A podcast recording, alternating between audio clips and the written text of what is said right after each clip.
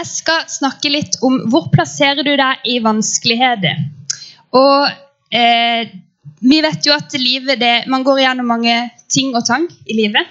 Og litt sånn, Når man lever da i 2020, så går man ofte inn på sosiale medier. Iallfall sånn unge folk som meg. Det er kanskje det første du gjør eh, når du våkner. Inn på Instagram, Facebook, og det popper opp folk sine flotte liv. Hvor perfekt alt er. Eh, og Spesielt i koronatida så kommer det jo masse antall filmer om hvordan du skal trene. Og så holder de på med hvordan du skal se ut, hvordan du skal sminke deg, hvordan du skal kle deg.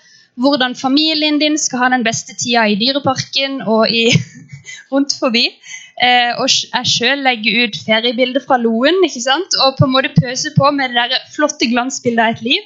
Og så kommer plutselig et bilde da, Kanskje du trodde at livet mitt var perfekt, men i dag er det ikke det. Og så er det bilder av liksom at du er veldig trist, eller noe sånt. Eller så er det sånne bilder av stua til folk. Du trodde kanskje alltid har det strigla og ryddig, og så er det liksom bilder av ei stue, men du har glemt å rydde en kaffekopp, liksom. Eller sånn, sant? Det er liksom Det er jo sånn det er. Og så tenker jeg sånn, ja, som om det var et sjokk, på en måte. Vi vet jo, eller håper vi skjønner at livet det er ikke ment å skulle være perfekt. Livet er ikke ment at vi skal gå gjennom og ikke ha smerte eller ikke møte på ting som er vanskelig. Og jeg tenker veldig flott med mobil, og sånn, men noen ganger må vi bare legge den vekk. Og så må vi, må vi dra fram dette her.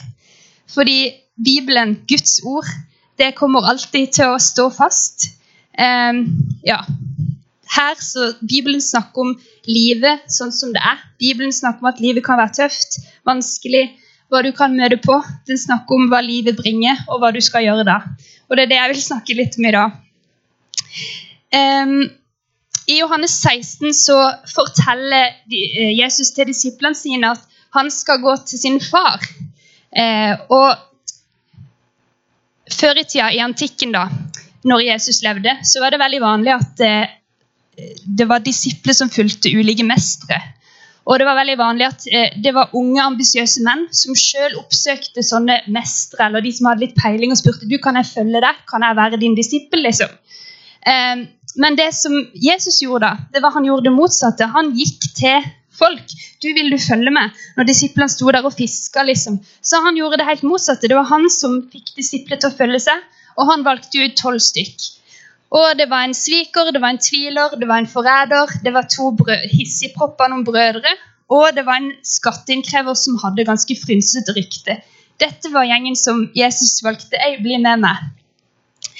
Men i denne situasjonen, da, i Johannes 16 eh, så står, altså Først hadde jo Jesus valgt disse disiplene, men så sier han i Johannes 16, 33 I verden skal dere ha trengsel, men vær med godt mot, jeg har seiret over verden. Og dette sa han liksom når han skulle forlate dem. Altså, dere kommer til å ha trengsler, men vær med godt mot. Jeg har seira. Og det ordet trengsel som Jesus brukte der, det kommer av gresk tlipsis. T-h-l-i-p-s-i-s. Og det betyr å bli fullstendig pressa. Du kan tenke deg druepresse eller olivenpresse hvor ting bare skvises sammen.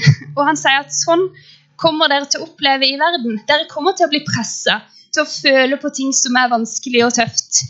Eh, dere kommer til å bli knust, dere kommer til å bli klemt og oppleve nød.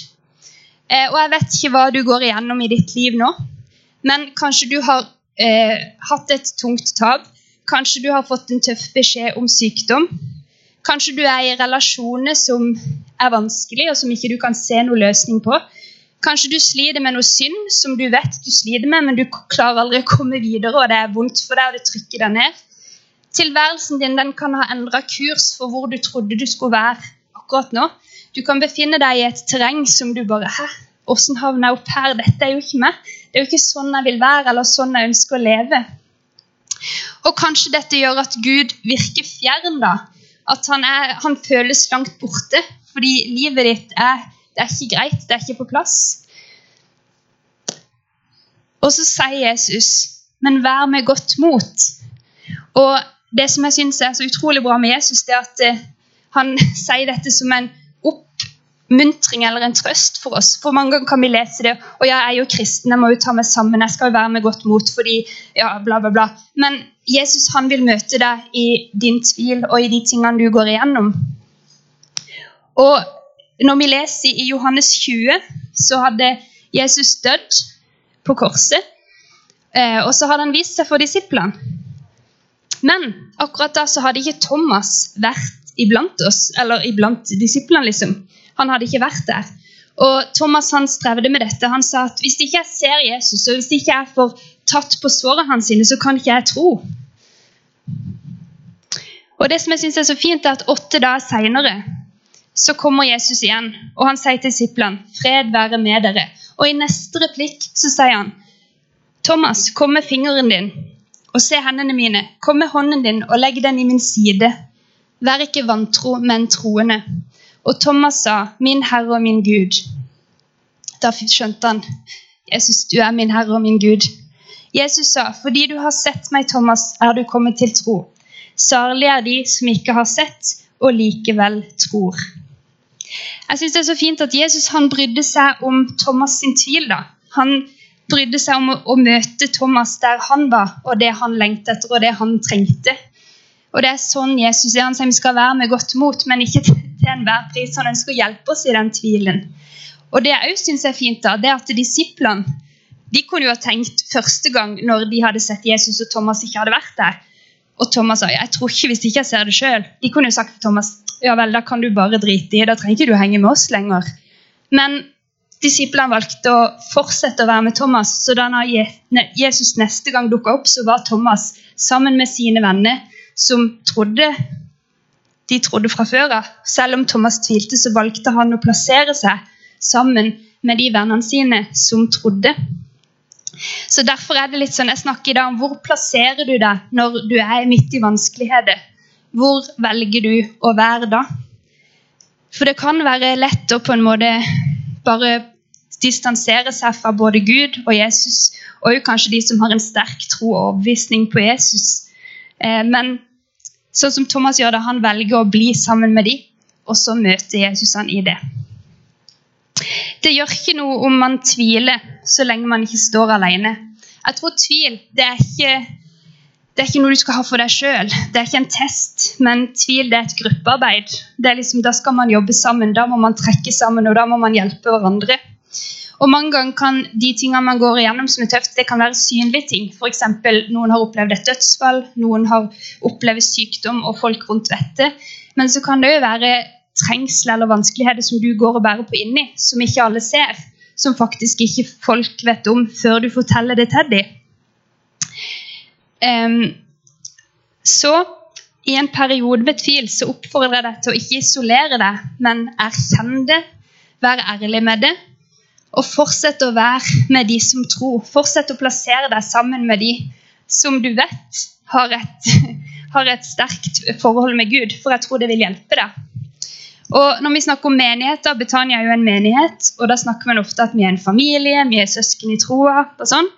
Eh, og når man er en familie, så skaper man ofte et hjem. Og et hjem det er et sted som folk kan komme uansett hva som har skjedd. Et sted man kan komme uten å si så veldig mye. Et sted man kan bli godtatt for den man er, og for å bli godtatt på tross av alle ulike sesonger man går igjennom i livet.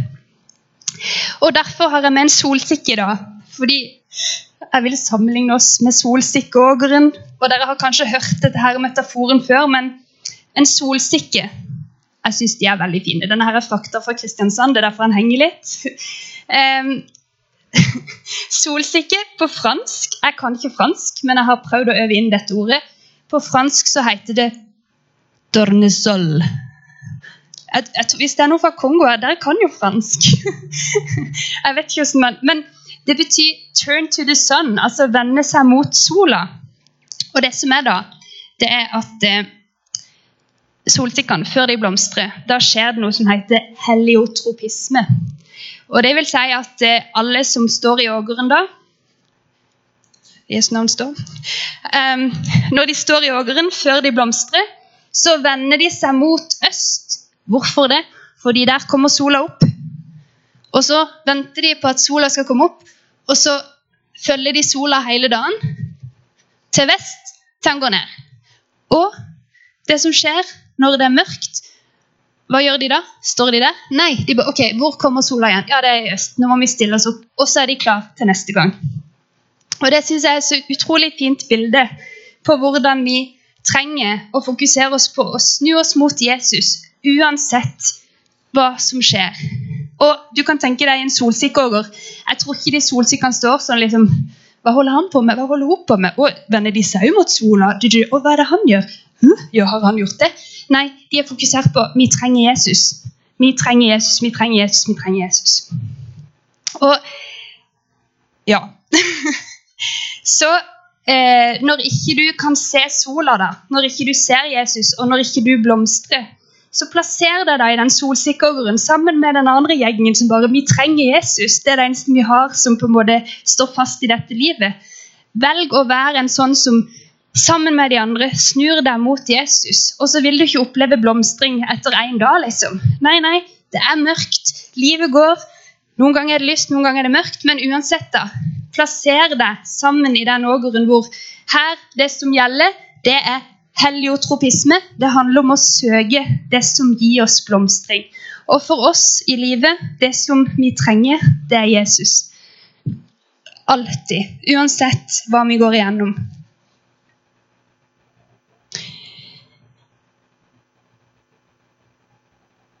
Så vil jeg snakke litt om eh, I Timoteus så skriver Paulus til Timoteus. Han sier i 2. Timoteus 1,6-7 så sier han Derfor vil jeg minne deg om dette. La Guds nådegave i deg flamme opp på nytt, den du fikk da jeg la hendene på deg. For Gud ga oss ikke en ånd som gjør motløs. Vi fikk ånden som gir kraft, kjærlighet og visdom. Og jeg tror vi litt sånn i pinsekarismatiske kretser. Vi tenker ja! Ildånd. liksom, vi var yes! Og det er jo veldig bra. Men jeg tror liksom det handler om at ånden da, skal gi kraft til vårt indre. Kjærlighet til hverandre og til Gud. Og en visdom til livet. Til hvordan vi skal takle dette livet. Og så må vi minne oss hverandre på nådegavene som vi sitter inne med. For alle har vi forskjellige ting å bringe og komme med. Og når en på en måte har mista motet, da, så må vi hjelpe hverandre til Ei, ja, men du er jo flink på det. Det er jo det du kan. Kom deg opp, liksom. og så må du gi folk tid til å gå gjennom de tingene de gjør. For det, det, man kan ikke alltid være på topp. Men man trenger hverandre til å minne hverandre på. Husk det som bor i deg.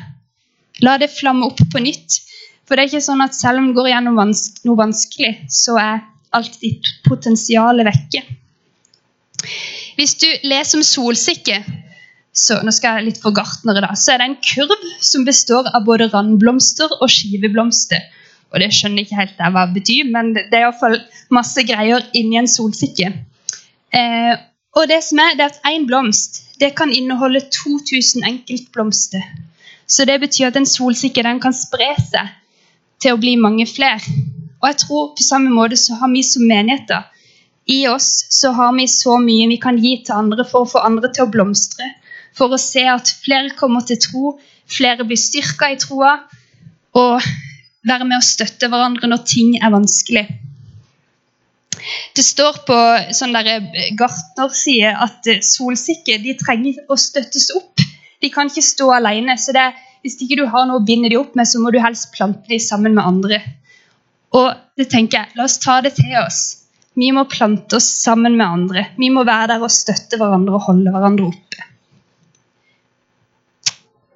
Efeserbrevet det har Paulus skrevet når han satt i fengsel. Han skrev det til Efesos, en menighet. Og det handler egentlig det, det brevet der handler egentlig om å gi dem nytt mot. I Efeserne 6,22 så står det at han skulle sende Tykikos, en fyr. Skulle sende dem til dem for å gi dem nytt mot. Og Efeseren er liksom todelt. Første del det handler om Jesus og evangeliet og hva, har, og hva Jesus har gjort for oss. Og så står det i kapittel 3 derfor. Og så eh, snakker det videre om hva det, har, hva det skal liksom ha å si i våre liv, og hvordan det skal påvirke våre liv. Og til, I kapittel 6 så står det om Guds fulle rustning. Og Det er egentlig en tale i seg sjøl, så slapp av. Jeg skal ikke begynne å legge og brette ut det. Men jeg vil, vil allikevel touche innom det. Fordi Guds fulle rustning Det er en, eh, et bilde på den romerske rustninga som de brukte før i tida. Og de tok på seg ting før de skulle ut i krigen. Og nå har jeg snakka mye om å eh, på en måte snakke med andre eh, troende når du har det tøft og vanskelig, men det er ikke sikkert alltid at det fikser så mye på innsida di, da, i hjertet ditt, de tingene som er vondt og vanskelig. Og Da står det om Guds fulle rustning som er et bilde på mange ting som du kan gjøre for å få bevare hjertet ditt, for å beskytte hjertet ditt. Det står jo 'bevar hjertet fremfor alt du bevarer', for livet går ut ifra det.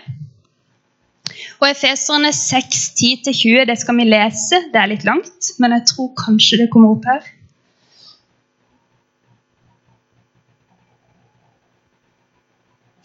Efeserne 6, 10-20. Til slutt, bli sterke i Herren, i Hans veldige kraft. Ta på Guds fulle rustning, så dere kan stå dere mot djevelens listige knep. For vår kamp er ikke mot kjøtt og blod, men mot makter og åndskrefter, mot verdens herskere i dette mørket, mot ondskapens ånde her i himmelrommet. Ta derfor på Guds fulle rustning, så dere kan gjøre motstand på den onde dag og bli stående etter å ha overvunnet alt. Stå da fast, spenn sannhetens belte rundt livet og kle dere i rettferdighetens brynje. Stå klar med fredens evangelium som sko på føttene. Hold alltid troens skjold høyt med det kan dere slukke alle de ondes brennende piler. Ta imot frelsens hjelm og åndens sverd, som er Guds ord. Gjør dette i bønn, og legg alt framfor Gud. Be alltid i ånden. Våk og hold ut i bønn for alle de hellige, også for meg. Be om at de rette ordene må bli gitt meg når jeg skal tale, så jeg frimodig kan gjøre evangeliets mysterium kjent. Det som jeg er sendebud for, også mens jeg er i lenker. Be om at jeg ved evangeliet får frimodighet til å tale slik jeg skal. Ja. Mye, mye ting og tang. Men når vi er i krigen, så kan vi vite hvilket rike vi kriger for. Og vi kriger for Jesus sitt rike, og han har allerede vunnet. Så den grunnen du står på, den er en grunn av seier. Og dette med eh, Guds fulle rustning, det står i vers 18 at vi skal eh, gjøre dette i bønn og legge alt framfor Gud.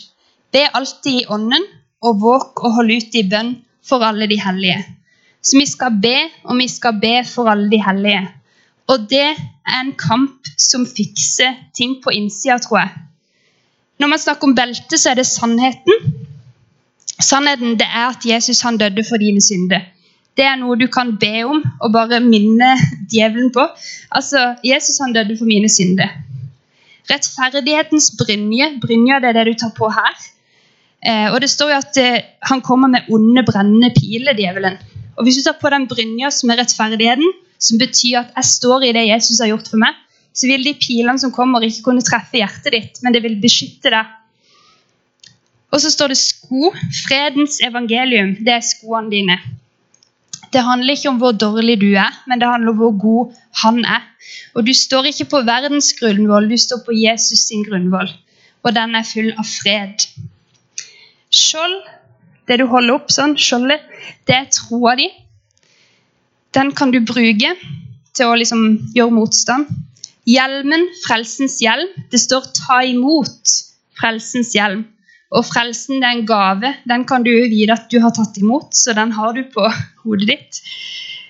Sverd, åndens sverd, og det er Guds ord. Og her så er det pakka med ting som kan hjelpe deg til å stå imot det som ønsker å ødelegge deg. For Jesus han har seira, og han er sterkest. Det står òg i 1. Peter 5, 8-11. Vær edru og våk. Deres motstander djevelen går omkring som en brølende løve for å finne noen å sluke. Stå ham imot fast i troen. Dere vet jo at deres søsken rundt om i verden må gjennomgå de samme lidelsene. En kort tid må dere nok lide, men all nådes Gud, som ved Kristus har kalt dere til sin evige herlighet, han skal utruste dere, gi dere kraft og styrke og stille dere på fast grunn. Makten er hans i all evighet. Amen. Så Jesus han vil plassere deg på fast grunn. Og så kan du òg gjøre noe med hvor du plasserer deg sjøl i vanskelighetene dine, som vil hjelpe deg til å stå imot alle de brennende pilene fra djevelen. Og Jeg snakka innledningsvis om tvileren Thomas. Sant? Hvordan han tvilte og sånn. Det var kanskje ikke så lenge han tvilte, men han tvilte iallfall. Eh, og så kom Jesus og møtte han, og han fikk en overbevisning om at oi, du er min herre og min Gud. Og hvis man, Det som jeg syns er gøy, da, jeg leste om tvileren Thomas. Eh, også ifølge historien, sånn, så Hvis du reiser til India, så er Thomas han er kjempestor. liksom. Han er kjempekjent, og alle bare elsker Thomas. Og her så, liksom på søndagsskolen opp igjennom bare, ja, tvileren Thomas, liksom, det er det vi kjenner han for. Men hvis du kommer til en eh, delstat i India som heter Kerala, så kan du spørre hvem enn der. Ja, hvorfor er dere kristne? Og da vil de svare jo, det var disippelen, Jesu disippel Thomas som kom og kristna våre forfedre, som brakte evangeliet til India. Tenk så stort. Hva om Thomas bare når han tvilte, da, så hadde han forlatt Hallo, dette gidder jeg ikke mer. Altså, jeg var ikke til stede når, når Jesus kom første gang til disiplene. Bryr han seg ikke mer, da gidder ikke han mer. Sånn, så gikk han. Nei, han gjorde ikke det. Han valgte å stå, han valgte å være med disiplene. Så ble han møtt av Jesus. Og så er han med og, og på en måte har så mye å si for hele India i dag. liksom. Så hvor er du om fem år? Hvor er du om ti år? Nå er India India har fått evangeliet, men kanskje Gud vil sende det der uansett. Neida. Altså, vi har alle forskjellige ting vi skal gjøre for Jesus. Noen skal gjøre ting som blir veldig kjent, noen skal gjøre ting som bare var, var ikke så kjent, men veldig viktig for de rundt, kanskje de i familien. Uansett, Jesus vil bruke det men da må du bare holde fast på han. Og Jeg har så troa på en tro som varer livet ut. Jeg er så lei av sånn derre eh, happy-clappy bare når livet er bra. Så skal på en måte det være så lett å følge Jesus og tro. Men kan vi ikke bare bestemme oss for at uansett så, så holder vi fast på Jesus, uansett hva som møter oss. For det er det som holder gjennom alt. Og til slutt vil jeg bare avslutte med åpenbaringen 21. 4. Og det er Jesus når han snakker om himmelen. da. Han skal tørke bort hver tåre fra deres øyne, og døden skal ikke være mer. Heller ikke sorg eller skrik eller smerte. For det som en gang var, er borte. Og tenk er det løftet vi har. Vårt perspektiv det er sånn bitte, bitte, bitte lite. Liksom. Vårt liv her på jorda det er som en smule i et stort brød. Eller en dråpe i et stort hav. Men Jesus han ser så mye større. Han har et helt annet perspektiv. Og han har lovt oss dette her. Og det ønsker iallfall jeg å nå. Og gjøre alt jeg kan for å klamre meg fast til. Og da trenger jeg òg folk i livet. Og Gud har brukt mange av dere som sitter i denne salen, og jeg tror dere vet hvem dere er, for at jeg har fått eh, bli vokst i den troa jeg har. Og sånn vil det fortsette å være til velsignelse for mange andre. Noen ganger trenger du det sjøl, og noen ganger kan du være der for andre. Da vil jeg bare be til slutt. Jesus, takk for at du er med oss i alle sesonger av livet vårt, Gud. Takk at du, eh, selv om det kan virke mørkt, så er du fortsatt der. Og jeg bare ber for alle som sitter her, Gud. Jeg vet ikke hva folk går igjennom, men det er du som kjenner hjertene, far. Og jeg bare ber om at disse ordene må ha vært til oppmuntring og trøst for noen, Gud. Og at det kan være noen ord som kan være til trøst i tida som kommer. Amen.